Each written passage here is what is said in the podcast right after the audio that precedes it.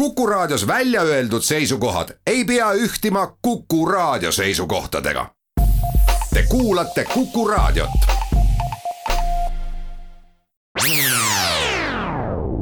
Restart.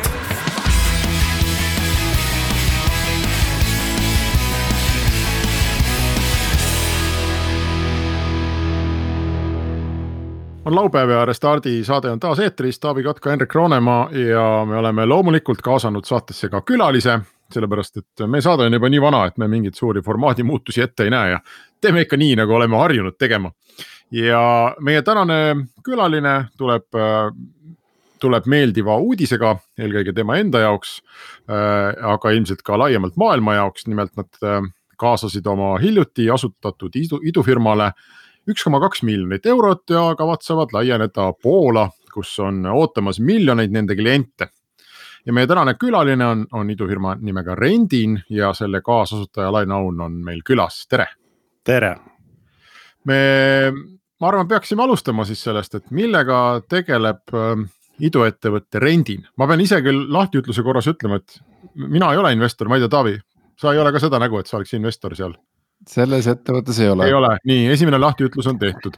Taavile veel märkus, et, et ma kunagi kirjutasin talle. ja, kirjutas küll, ja nii, seda klaarite hiljem äh, aga mina käisin, ma ei tea, Lain, tuleta meelde, oli see aastake tagasi või ma käisin sinu juures, kui te olite väga rõõmsate nägudega, kõigil silmad põlesid peas, äsja enam-vähem selle ideega, eks ole, kokku tulnud ja, ja üritasite mulle seletada, mis asi see on. Läks väga palju aega, enne kui ma enam-vähem taipama hakkasin, mis asi see on. ilmselt sa oled pidanud seda juttu nüüd rohkem rääkima. kas sa suudad niimoodi kahe lausega ära seletada, mis asi on rendin? tead, tead, siin on nagu kaks asja, et, et ma, ma üritan seda teha, aga tegelikult see probleem, mida me lahendame ja, ja toode, mida me ehitame, ongi keeruline, et Äh, pigem räägiks kahe tunniga. no nii palju aega meil ei ole. aga, aga ühe, ühe minuti pitch eesti keeles võiks olla siis, et äh, Rendin on üürilepingu platvorm, mis annab üürileandjale kuni sada korda suurema kaitse võrreldes tavalise tagatisrahaga. vabastab üürniku tagatisraha maksmisest ja teeb kogu üürimise protsessi siis kõigi osapoolte jaoks äh, ausaks, kiireks ja paindlikuks. Ühesõnaga, et eh, kui muidu praegu ma lähen korterit üürima, siis esimese asjana ma pean maksma tagatisraha, see on tavaliselt kahe kuu üür, eks, umbes noh, mingi klassika. nii, ja siis ma pean maksma ka põhimõtteliselt esimese kuu üüri ette juba, eks, et see on klassikaline leping siis sa pead maksma vahendustasu. enamikel juhtudel maakleritasu. ja, ja, ja no maakleri tasust me vist ei pääse igal juhul, sellepärast et maakler on ikkagi selle töö ära teinud, ta on meid otsinud. nii äh, ja nüüd äh, tegelikult korteri üürimine läheb minu jaoks odavam, kui ma, odavamaks, kui äh, see nii-öelda rendile andja kasutab seda rendil mudelit. ehk siis te, ma ei pea maksma seda kahe kuu deposiiti, küll aga ma pean maksma siis mingit kindlustusraha, ma saan aru. sinu stardikulud on tõesti väiksemad, deposiiti ei ole aga sa maksad äh, siis rendin teenustasu, mis on kaks koma viis protsenti kuu üürist igakuiselt. a la nelisada eurot on üür, äh, kümme eurot kuus on tasu mm. -hmm okei okay,, ja seda nii kaua, kuni mul üürileping kestab, et see võib olla kümme aastat see on, see on hea küsimus, et kuna, kuna me oleme turul märtsis, siis äh, me nagu nii pikas perspektiivis pole meil ühtegi klienti olnud. aga noh, täitsa selge on see, et äh, kui sa oled hea klient, me näeme, et sinu riskid on äh, väikesed ja, ja noh, aja jooksul üha kahanevad, siis äh, muidugi sa ei maksa kümme aastat seda no mingil hetkel lagi võiks olla seesama ju tagatisraha kokkuvõttes on ju, kusjuures tagatisraha puhul, kui ma kõik olen hästi käitunud, ma saan selle raha isegi tagasi et äh, antud juhul ma ei saa seda raha ju tagasi, eks, et kui ma üürilepingu lõpetan, siis äh, see raha, mis teile on läinud, see kaks pool protsenti jääb teile äh, vaata, sa, sa räägid seda nagu finantstoote seisukohast. maailmas on päris palju siis deposiidivabasid startup'e, kes teevad esmapilgul justkui sama asja, et sa ei pea maksma ta äh, tagatist. reeglina nad võtavad suurusjärk äh, kolmandik siis sellest äh, rahast endale ja annavad, annavad ülejäänud sinu kasut-, käsutusse. ehk et sisuliselt tegeletakse sinu enda raha sinule tagasi andmisega suht samas suurusjärgus intressiga, mis sa maksaksid, ma ei tea, kiirlaenu puhul mm. -hmm. rendin teenus on absoluutselt totaalselt kardinaalselt midagi muud jah, seal ei ole tagatisraha, aga me tegeleme riskide manageerimisega ja kogu protsessi siis äh, nagu end-to-end äh, väärtusahela loomisega.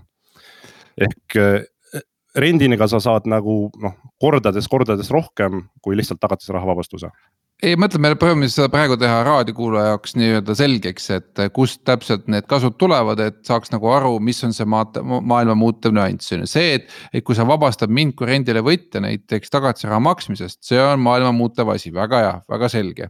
nüüd ma lihtsalt tahtsin nagu aru saada, et, et, et noh, et, et okei okay,, see on, see on minupoolne kasu, teine on see, kes rendile pakkuja või nii-öelda, kes rendile annab.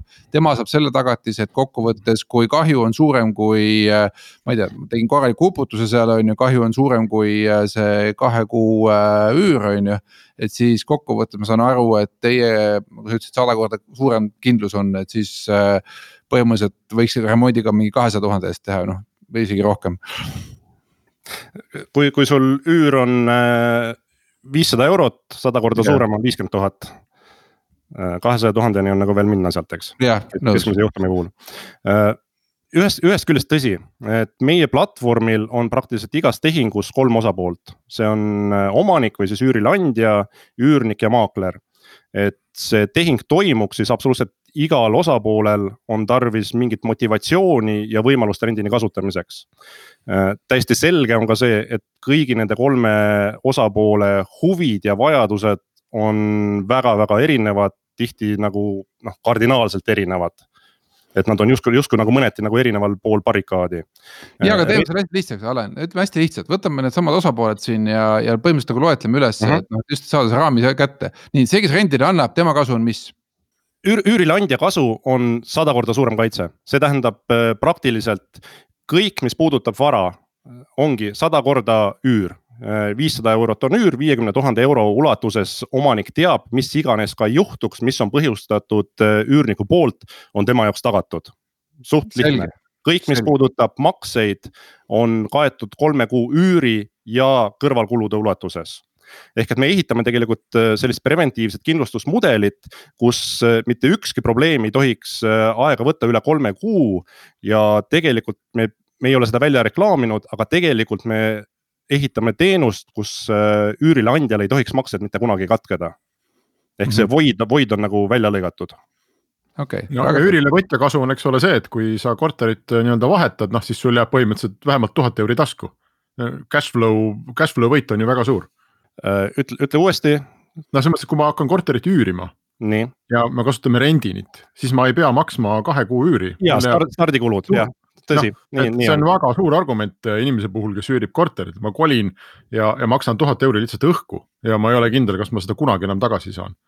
mis on tõsi, ehk et äh, üüriturg on hüperkillustunud absoluutselt igas riigis, seal on äh, mingid äh, marketplace'id ehk portaalid, mis on passiivsed, mis ei tege, tegutse nii nagu Airbnb, et sa saad midagi seal kohe teha.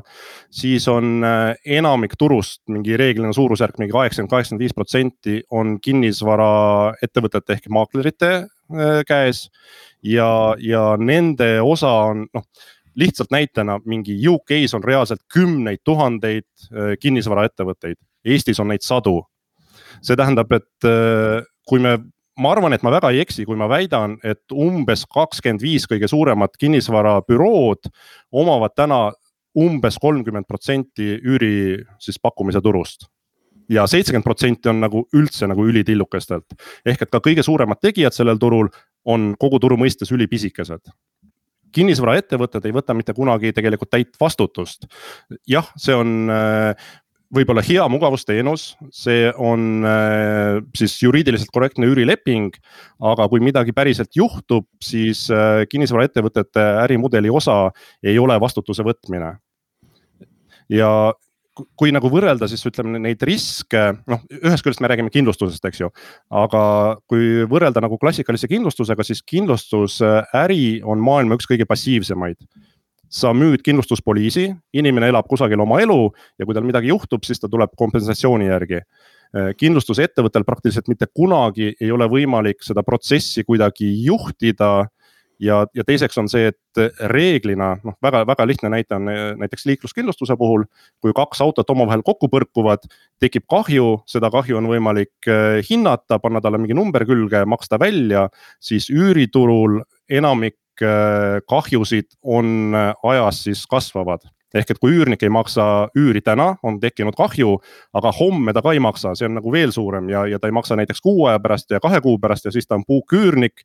ja siis tuleb minna kohtusse, mis võtab aega üheksa kuud ja nii edasi, nii edasi, nii edasi, et äh, hoopis, hoopis teine lugu ei, arusaadav, aga mõtlengi, et äh, no me tuleme korra nüüd sellesama esimese ploki lõpuks äh, sinna alguse juurde tagasi, et. Äh, noh, ma mäletan näiteks, see on mu esimene korter, mida ma üürisin, aga, aga kui ma TTÜ-s käisin, siis üheksakümnendate lõpupoole Mustamäel sõbraga korterit üürides. nihuke noh, sularahas, sihuke vanamehe näss kirjutab, mingi paber on enam-vähem käsitsi kirjutatud, on ju.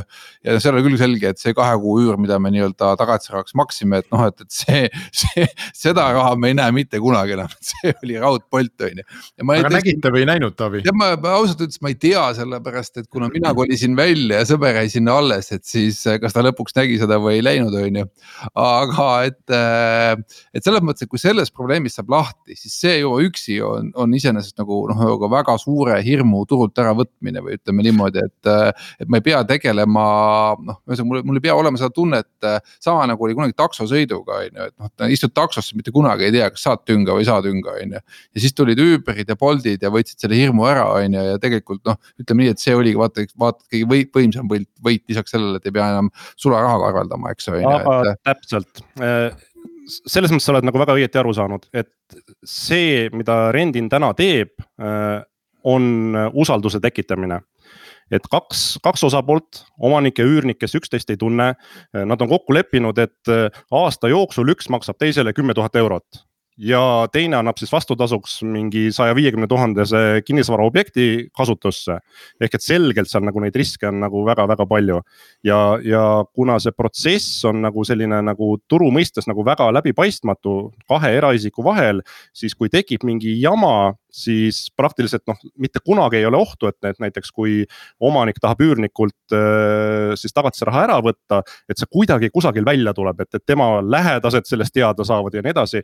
et puudub nagu see efekt, mis äh, hoiab tihti inimesi tegemast nõmedaid asju, et äh, noh, kui sa nagu kujutad ette, et sa üürileandjana võtad inimeselt ära kaks tuhat eurot, siis ürita ette kujutada veel mingit teistsugust situatsiooni, kus sa teiselt inimeselt kaks tuhat eurot ära võtad. et sisul, sisuliselt see puudub, eks ju Äh, me arvutasime, et äh, me kolme founder'i peale oleme kokku üürinud äh, kahekümne kaheksal korral ja kaheksas erinevas riigis.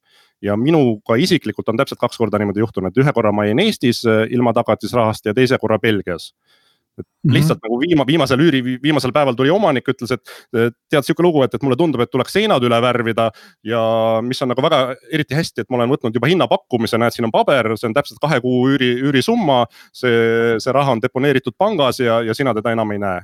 aga seda muide on kõik mu tuttavad kes on seal, ütleme Brüsseli kandis äh, rentinud äh,, ütleme üürinud korterit või, või maja näiteks tööperioodiks see on norm, kõik teavad seda, mitte mhm. -huh. mitte keegi isegi ei arva, et ta võiks selle raha tagasi saada ja ma arvan, keegi kunagi ajaloos ei ole ka saanud, see on teada, see on absoluutselt teada ja see tegelikult on noh võib-olla siin edaspidi räägime, aga see küsimus on, et kas omanik on ju, kes on arvestanud seal mitme kuu äh, üüriga lisaks tahab nii õudselt hakata teie teenust kasutama või mitte. see on, see on väga, väga õige märkus nagu, et sellepärast ongi Aga... meie me,, me, meie see nimetus on fair, fast and flexible, esimese fair. aga okei okay, okay., räägime nendest teistest asjadest järgmises plokis, teeme siia väikse pausi. Restart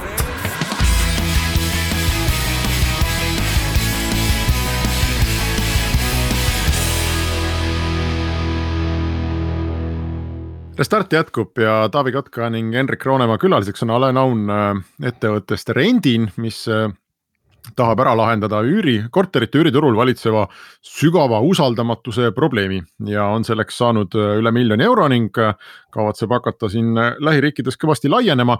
mul on ikkagi selline lihtsa raadiokuulaja küsimus, Alen, seleta mulle ära. mina äh, lähen nüüd korterit üürima, eks ole, vaatan, teen City24 lahti näed, Kalamaja korter kõigest tuhande kaheksasaja euro eest, väga odav on ju kuus. nagu need hinnad siin on, nii nüüd otsustan, et ma tahan, lähen kohale, öeldakse, et ah, et kolm tuhat kuussada eurot on tagatis, on ju. ja palun, et hakake peale ja noh, nii, nii need asjad kogu aeg käivad. kui nüüd seda asja teha läbi sinu ettevõtte, kuidas see protsess välja näeb, kes on esimesena, tõstab niimoodi näpu püsti ja ütleb, et oh kuulge, et kasutame rendinit, kas see peaks olema mina või korteriomanik või maakler. ja kui keegi nüüd selle mõtte laiali või lauale käib, kuidas see nüüd täitsa nii-öelda samm-sammult edasi toimub? nagu ma enne ütlesin, siis eh, eks kõigil kolmel osapoolel peab olema motivatsioon meid kasutada. ja päriselust me juba teame viimase siis üheksa kuu jooksul, et see esimene impulss võib alata ükskõik kellest.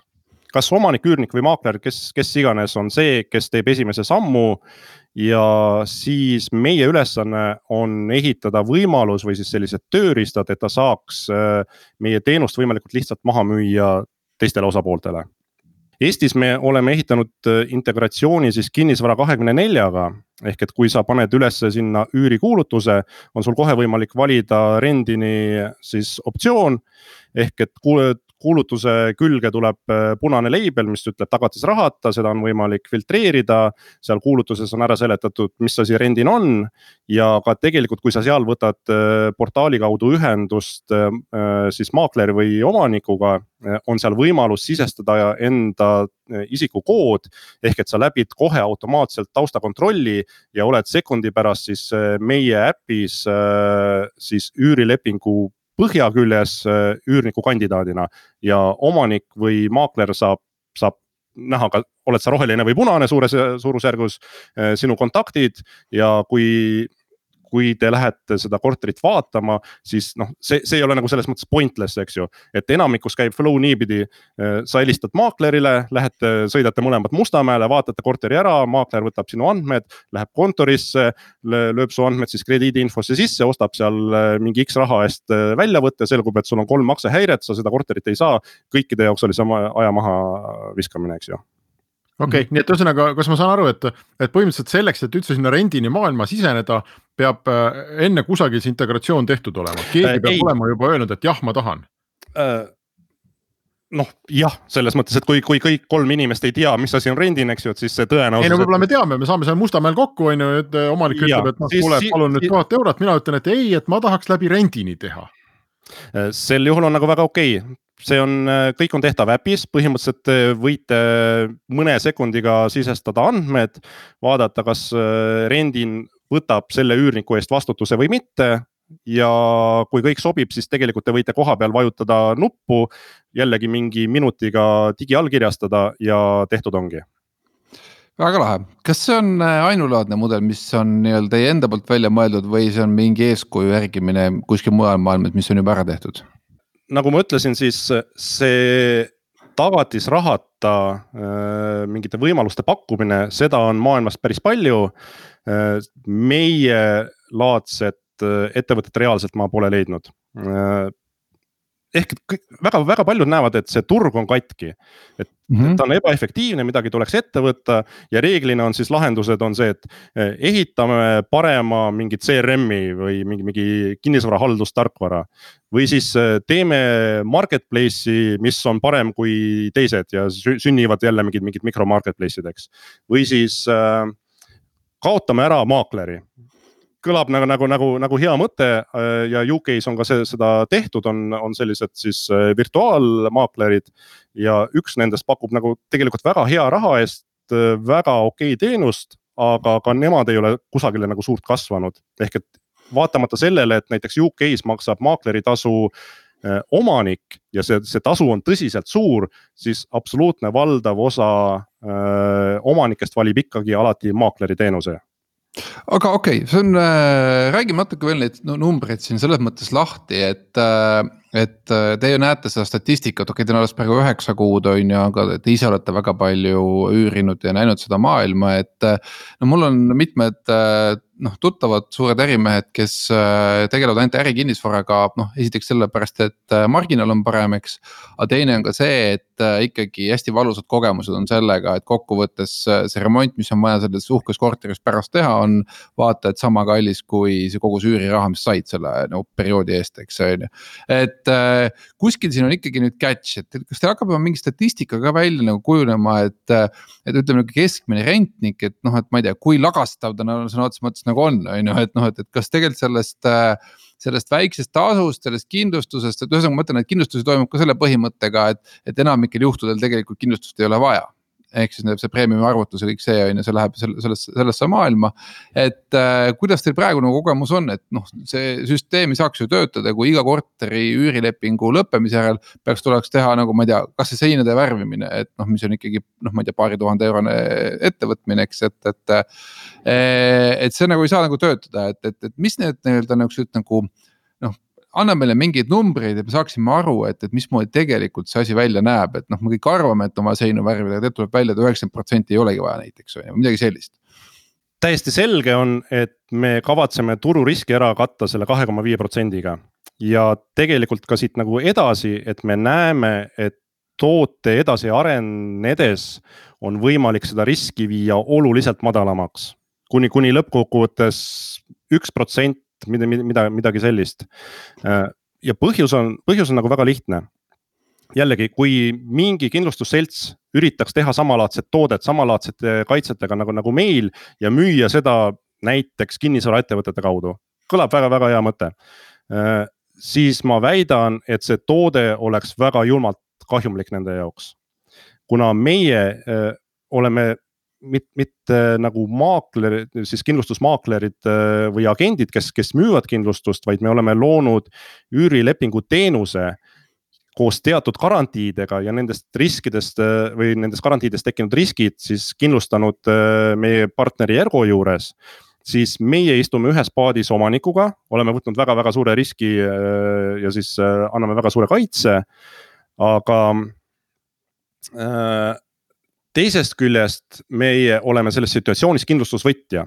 ehk et need on meie, meie enda riskid ja meil on äh, oma platvormi tingimused ja kui me näeme, et mingi risk hakkab realiseeruma äh,, mingi, mingi asi juhtub, me saame sellest esimesena teada ja praktiliselt alati me oleme võimelised lahendama selle situatsiooni ära nii, et kahju ei teki või ta tekib ülim minimaalsena võrreldes, kui, kui me laseksime lihtsalt asjadel juhtuda aga selle asja teine pool on nüüd, sa mitu korda oled nagu natukene juba maininud, et, et ma saan aru, et minust kui äh, väiksest vaesest äh, korteriüürijast hakkab, on sul mingi baas, ühesõnaga mul on mingi skoor küljes, mingi, mingi ajalugu, mingisugune tagasiside. Ja see, see saab olema sinu sellise riskihinnangu A ja B, ma saan aru või, et, et ainult krediidiinfost ei piisa mm.. täna me esimese sammuna kasutame Eestis põhiliselt siis krediidiskooringut aga see on, et lihtsalt välja lõigata kõige selgem äh, kriitilisem risk. ehk et need inimesed, kellel on ikkagi nagu korduvalt, korduvalt olnud maksehäireid või siis krediidiinfo andmetel on nendel nagu väga suur risk sattuda järgneva aasta jooksul maksehäiretesse no aga kui ma olen lihtsalt maksejõuline jobu, noh maksejõuline seinte sodija. ja tõsi, ehk väga-väga õige point, et tegelikult enamik äh, riskidest ei ole siis mitte inimeste sissetulekutega seoses, vaid inimeste käitumisega. ehk see selline behavior äh, scoring on asi, mida, mida me ehitame, mis on nagu selgelt nagu aja jooksul tekkiv. Äh, ehk et hea käitumine annab sulle võimaluse elada seda kiiret, lihtsat ja paindlikku elu kuni selleni välja, et, et võib-olla sa kunagi ei peagi maksma mingi, mingit lisa sa oled, sa oled ju juba meie jaoks nagu valideeritud, et, et sinuga riskid puuduvad, eks ju. samas on nagu selline teine ots, et kui me räägime näiteks maksehäiretest, siis täna võib sinu krediidiskoor olla super hea aga mitte miski ei garanteeri, et see järgneva aasta jooksul, kui sa seda korterit üürid, siis ma ei tea, naine jätab su maha, sa hakkad jooma, kaotad töö ja juhtub igasuguseid koledusi, eks. et, et mitte keegi ei ole võimeline tulevikku ette nägema aga mis siis saab, et äh, ütlete rendilepingu üles mulle kohe, nii kui on näha, et üks maksehäire on, nii on kohe, et op-op-op-op-op. Äh, me saame teha äh, siis enamiku liigutusi võlaõigusseadustiku raamides. ehk et kui sul on üks maksehäire, siis, siis keegi ei saa sinuga üürilepingut lõpetada. aga me saame, noh, ütleme, kui, kui inimene ei saa maksta üüri viiendaks kuupäevaks, mis oli kokku lepitud, tegelikult ta teab seda ju ette kui, et, et mul lihtsalt ei ole see kuu neid vahendeid, kui, kui sa võtad meiega ühendust ja ütled, et kuule, et ma viiendaks ei saa, aga ma, aga, aga viieteistkümnendaks küll. ja, ja sa seda päriselt teed, siis tegelikult nagu selle käitumise mõttes on sinu risk äh, väiksem kui võib-olla inimene, kellel äh, on raha arvel küll, aga kes ongi nagu Hendrik mainis, jobu aga okay. siit teiselt poolt teil tekib ju vastu äh, päris suur selline nagu halduskoormus noh, et, et ühest küljest, eks ole, puht nagu kliendihaldus, et noh, kuule, et ma, ma ei tea, et kas sa saad homseks makstud, miks sul eile polnud laekunud. kuni selleni välja, et, et noh, midagi tilkus, eks ole, kuskil oli mingi kahju, kes on süüdi, kes selle nüüd ära parandab. et, et see on selline igapäevane noh, meeletu haldus, et kes seda, kas te seda teete ka ise või, või kust see tuleb? vaata see, see, mis tilgub, see puudutab äh, siis kinnisvarahaldust, mida, mida meie ei tee. ei, aga kui sealt kahju tuleb, siis on see juba teie laual ju kohe. tõsi, aga selliseid asju ei juhtu väga palju. absoluutne valdav osa probleemidest on inimestevahelised. me juba päris, päris elulisest praktikast äh, teame, et suurusjärk üheksakümmend viis protsenti inimesi, see on väga konservatiivselt öeldult. kui nad allkirjastavad mingi lepingu, siis tegelikult nad ei tea, mis vastutuse nad on võtnud ja millised on äh, käitumisjuhised ja, ja normid ma arvan, et teil kõikidel on kodukindlustus olemas, et, et kui ma esitaks küsimusi, et, et mis seal nagu kirjas on, siis mitte keegi teist ei teaks. kui ma esitaks neid küsimusi ka kindlustusseltsi inimestele, siis, siis, siis ka nemad nagu. ma saan aru, aga sul on täna on, ütleme noh, kogu austuse juures on ju, aga pigem vähe kliente ja, ja, ja ühel päeval kui läheb meeletult hästi, on ju, ja sa oled võib-olla unicorn mm, nagu meil sealt Taavi selja tagant paistab, siis sul võib-olla on kümme miljonit klienti. ja, ja noh, kui seal juba nendest, ma ei tea, kolm protsenti on maksetega hiljaks jäänud, omanik on seljas, sa pead hakkama teistpidi, eks ole. noh, faktoringut sisuliselt mm tegema omanikule, et, et kas see mingis skaalas on see ikkagi hästi suur halduskulu? et kuhu, kuhu te plaanite selle lükata äh, või automatiseerida? see on tõsi, aga me näemegi, et absoluutne valdav osa probleemidest on tegelikult standardsed äh, see ei ole välja tulnud jällegi sellesama, mis, mis ma rääkisin, selle turu killustumuse pärast. kui viimased sada aastat oleks see turg olnud nagu selline hästi läbipaistev nagu, nagu, nagu börs või, või midagi sellist.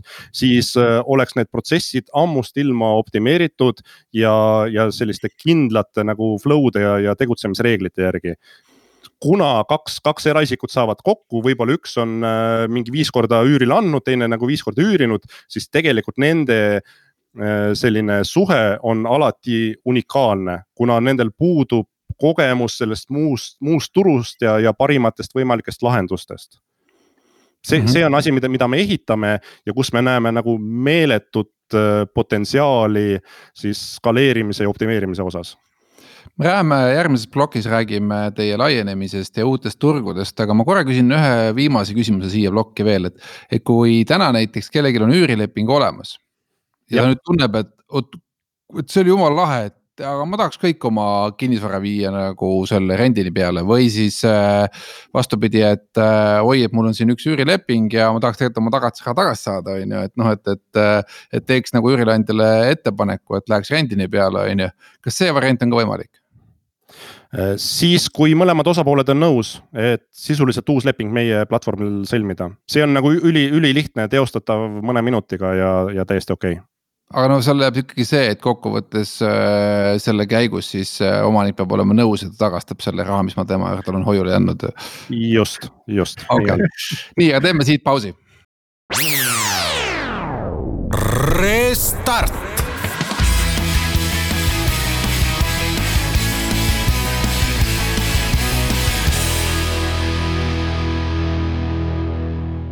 Restart läheb edasi, äh, Taavi Kotka, Henrik Roonemaa külaliseks on, on äh, Alain Aun ettevõttest Rendin ja me ikka kuidagi kogu aeg põrkame selle vastu, et, et õudselt nagu keeruline äri on, kui kellelgi on mingi selline noh, korralik patakas raha taskus siis, siis ta ei taha seda nagu tagasi anda või ta ei taha seda maksta või siin see tuhat euri käib siin nagu see surnud koer üle aia. nii ja naapidi, me lõpetasime eelmise lõigu ka sellega, et olemasolevat lepingut on keeruline ümber teha, sest omanikule läheb see maksma tuhat eurot. ei, selles mõttes äh, ma lõpuks ometi hakkan aru saama, et Alain ütles küll, et ta saatis mulle pakkumise äh, tulla investoriks kevadel on ju, aga ma ütlen ausalt, et.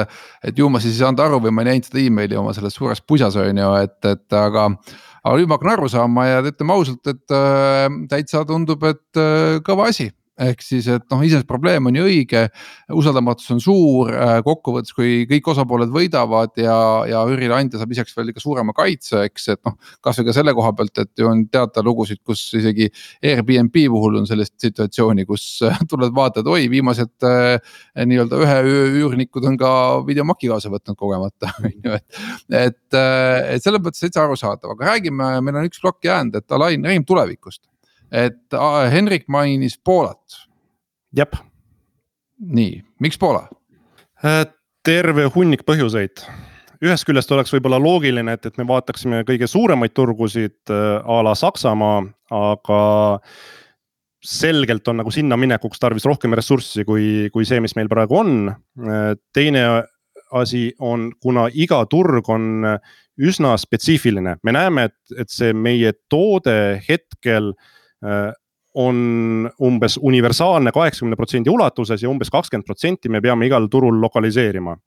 Äh, kuna me tuleme turult, kus, kus mahtu praktiliselt ei ole, eks, et Eestis on nagu maksimum kusagil mingi sada tuhat üüripinda, mis on siis nagu, ma ei tea, Berliini üks linnaosa äh, siis me oleme nagu nullist ehitanud kõike niimoodi, et me saaksime võimalikult kiiresti lokaliseerida ja skaleerida ja meile tundub, et me oleme selle nagu päris hästi läbi hammustanud. isegi Tehn, tehniliselt ei tundu üldse nagu väga keeruline, et selles mõttes see, et sa oled selle välja nuputanud, see on ülikõva. Äh, tehniline teostus, see, et on skaleeritav, täitsa usun, saate hakkama, see ei ole, siin ei ole midagi väga ületamatut, just seesama, et noh. et kokkuvõttes ikkagi transaktsioonide arv jääb äh, nii-öelda miljonitesse, mitte miljarditesse, eks on ju. aga, aga just, et, äh, aga just nagu seesama müük Äh, turu tundmine, kas teil on mm -hmm. Poolas mingi oma mingi hea müügimees leitud, on ju? või kindlustuspartner.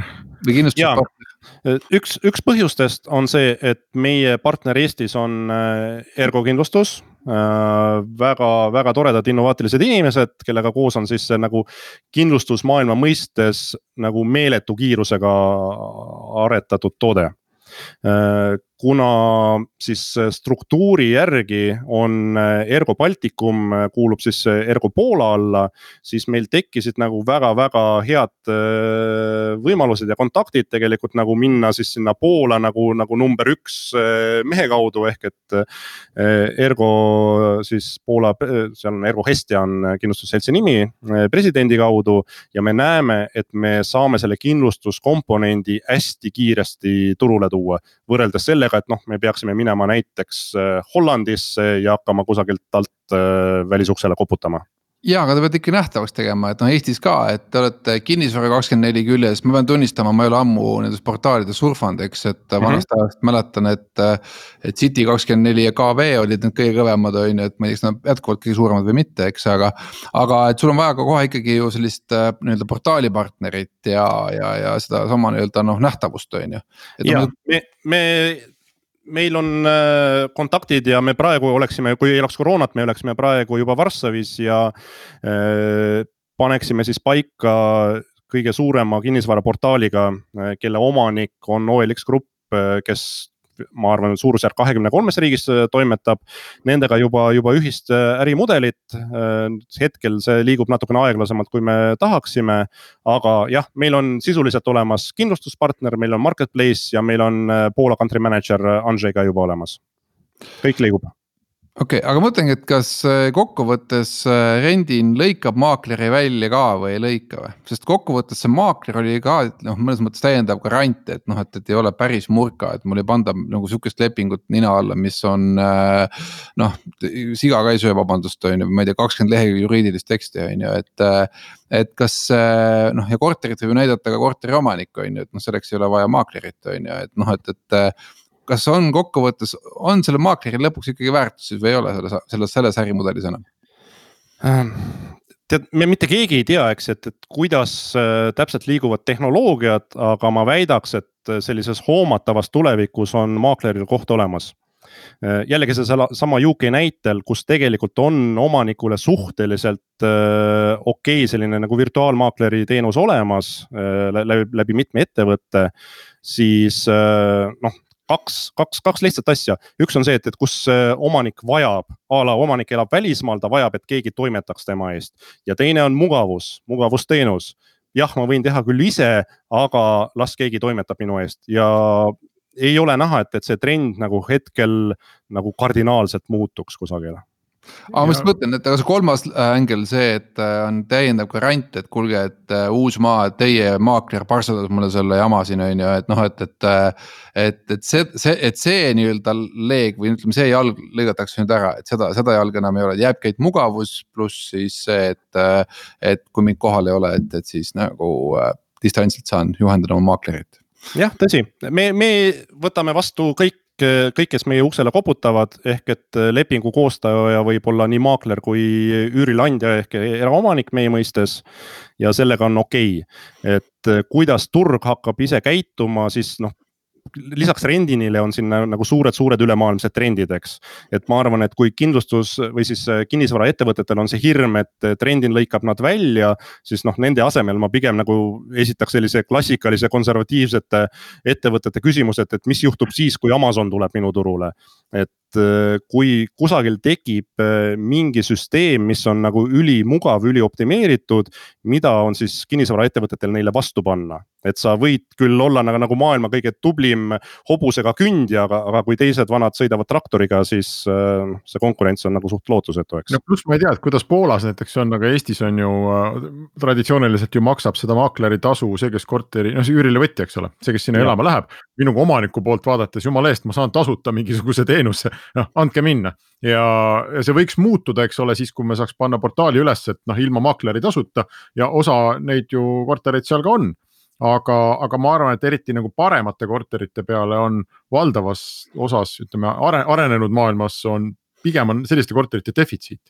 Ehm, noh, et, et mul äh, väga palju naabrimehi ei ole, on ju, kes tahaks odavamalt seda, seda asja välja anda kusjuures siin, siin on üks nüanss, et me oleme kogu aeg rääkinud, et eh, üürnik maksab tasu, aga tegelikult on eh, omanikul võimalik valida, kes seda tasu maksab. ja see tekkis eh, meie turule tuleku päris alguses, kui tekkis koroonakriis ja Eestis tulivad siis pikaajalisele üüriturule lühiajalised üürikorterid ehk sisuliselt Airbnb korterid ja tekkis oluliselt suurem pakkumine siis omanikud ise palusid, et kas saaks teha niimoodi, et, et meie maksame renditasu, siis on mul oluliselt lihtsam leida uut üürnikku. Ilma tagatisrahata, ei pea seletama, et veel mingi kümme või viisteist eurot on nagu kuus lisaks nagu, nagu väga-väga lihtne deal selline. Ja, ja see töötab päriselt. Kas see digiallkiri on ka kuidagi eluliselt vajalik teie teenuse tarbimiseks või, või, või saate ka minna riikidesse, kus paberi peal tehakse asju? no eks me kui hakkaks nüüd ette kujutama, et kui skaleeritav on paber, et. no ma ei tea, aga kuidas sa, kui riigis, kus ei ole digiallkirja kui sellist, kuidas sa allkirjastad neid lepinguid? kusjuures meil tekkis äh, mõni aeg tagasi üks äh, partner äh, siis Tšiilis, kes väga-väga tahtis meid sinna turule, oli valmis organiseerima ja finantseerima. aga koroona tuli, lõi, lõi sellel plaanil nagu jalad alt ära, siis see on nagu riik, kus üürilepingu sõlmimine on notariaalne tehing. ehk et maakler laseb inimestel allkirjastada, teeb koopia nende passist ja siis läheb notari juurde, kes lööb kolmekümne dollari eest alla templi ja siis tegelikult me mõtlesime välja flow, kuidas me sellega ka hakkama saaks. kusjuures siin on üks huvitav trend maailmas toimumas, et noh, meie eestlased oleme kogenud seda turvalist digiallkirja juba noh, siin paar kümnendit, eks kakskümmend aastat. ja oleme nii-öelda ära harjunud selle mõttega, et noh, et, et noh, see on nagu äh, äh, ainuvõimalik ja nii muud moodi teha ei saagi, on ju, ja, ja, ja viimasel ma just sama Covidi tõttu ka, et viimastel kuudel ma olen järjest vaadanud, et järjest rohkem äh, ikkagi pannakse sihukest kunstlikku allkirjastamist äh, erinevatesse äriprotsessidesse sisse, et sa lihtsalt lööd kuskile alla klaviatuuri pealt äh, näiteks Taavi Kotka, seal pole digiallkirjaga mingit pistmist ja noh, püütakse luua mingit jälge, et, et need seal noh, et ikkagi oli, et, et, et ühesõnaga. et on väga suur tõenäosus, et arvata, aga oli Taavi Kotka, meil päris kindel ei ole, aga noh, keegi igatahes kirjutas sinna Taavi Kotka on ju, et noh, et. et ju siis äkki nagu noh, peab, on ju. ja mängitakse tegelikult selle riski peale et, et üheksakümmend üheksa protsenti asjadest ei lähe kohtuni. aga, aga, aga, aga niimoodi ongi. tegelikult, tegelikult. jah, sorry. ja kui läheb kohtuni, et noh, et, et siis noh võtame selle ühe protsendi kahju sisse, ütleme, et, et, et ups, et näed, et meil tegelikult ei ole mingit tõendit, et, et seal arvuti taga oli Taavi Kotka, on ju, et ma, ma arvan, et, et kui me sinuga sõlmiksime paberil lepingu, siis mul võtab umbes kolmkümmend sekundit aega, et, et õppida sinu allkirja piisavalt hästi järgi tegema. kui me sõlmime digitaalselt mingit, nii küsimus ei ole selles, küsimus on selles, et mis on kohtus tõend ja mis ei ole tõend, eks on ju, ja kui sul on näiteks täna Saksamaa või Poola on ju. kes on harjunud paberil toimetama ja ütleme niimoodi, et äh, jah, sa võid nagu fake ida mu selle allkirja sinna mm., eks siis läheb allkirja ekspertiisiks ja nii edasi. siis selliste asjade jaoks on olemas mingid äh, kohtu noh, nii-öelda protseduurikad, nad oskavad selles ökosüsteemis käituda, on ju. aga ma ütlen, et äh, täna ei ole veel maailm avastanud seda ei USA-s ega Saksamaal, et, et mis saab siis, kui inimesed hakkavad massiliselt minema ja ütlema, et teate, et, et see aja ajatempli all olev mingi kritseldus, et noh, et, et teie eeldus, et selle arvuti taga olin mina. et see on nonsense, et see oli võib-olla mu õde, see oli mu naine, see oli mu laps, on ju, et mm. -hmm ja näiteks noh, norrakad ongi võtnud selle ju attitude'i nagu riiklikul tasandil, et nad on otse ära öelnud, et nende jaoks mugavus ja kiirus on alati olulisem kui turvalisus. ehk siis see fakt, et nagu, et seal peab, seal, seal seadme taga oli konkreetselt see inimene, et see inimene võttis kohustuse. et see tegelikult ei ole nii relevantne kui see, et saab selle mugavalt tehtud mm. -hmm. Le leping, üürilepingu allkirjastamise mõistes on see väga madala riskiga tegevus äh, sisuliselt sa võid ka lepingu kinnitada mis iganes asjaga. sa tegid, sa tegid makse just nimelt ehk et kui sa äh, oled saanud korteri võtmed sinna sisse kolinud, maksnud esimese kuu üüri, maksnud nagu rendini tasu. et kustkohast nagu tekib see võimalus, et sa pärast hakkad kohtus tõestama, et sa ei ole üürilepingut sõlminud ja sa ei tea, kuidas sa sinna korterisse sattusid jah, noh, aga me jõudsime praegu väga hästi selle tulemuseni, et, et noh, jällegi noh, Eestis ka on ju, on äh, notarid ennast suhteliselt sisse söönud äh, turule kunstlike tehingutega, et noh, mõtlen, ma siiamaani ei saa aru, miks näiteks korteri ostul on notariaalne tehing, et. et mina oma juristiga, sina oma juristiga lähme kolmanda juristi juurde, on ju, et noh, jaburdus, juur õudus on ju, et noh, et, et. et, et seda ei ole sinna vahele vaja et, äh, et see on üks, ma arvan, järgmine suurem muutus, suurem raputus, mis tulemas on, et, et see. nõus, nõus. see, see kiht kaob ära lõpuks just hiljuti olen äh, teinud paar notariaalset tehingut, mis oli nagu täiesti selline kultuurishokk. nii, aga ühesõnaga, meil on veel kaks minutit, äh, Poola saab võetud selle rahaga. mis ütleme niimoodi, et kui me aasta pärast sind tagasi kutsume, kuhu peab olema rendini jõudnud, et mis teie MRR peaks olema, palju teil kliente peaks olema? Meie, meie järgmise aasta ülesanded on suures plaanis kaks. üks on see, et, et me tõestame, et me sama kontseptsiooni suudame viia Eestist välja. ja teine on see, et me suudame ehitada siis sellise orgaanilise kasvu mootori me oleme avastanud, et sellel turul jällegi tänu nendele samadele asjadele, mida ma olen korduvalt rääkinud, siis killustumine ja nii edasi. on väga-väga palju ressurssi, mis ei ole mitte kellegi praeguse tegelase siis nagu ärimudeli osa ega too neile otsest kasu. ja me kavatseme kõik selle üles korjata ja ehitada süsteemi, mis, kus, kus iga inimene ongi ükskõik, on see omanik, maakler või üürnik, astub meie uksest sisse ja toob meile ajapikku üha uusi inimesi sinna mm,. eks see kokkuvõttes tegelikult ikkagi ongi jah, skaleerimise ülesanne mitte tehnoloogia poole pealt, vaid turunduse ja müügi poole pealt, eks äh..., aga oli, aga oli väga huvitav.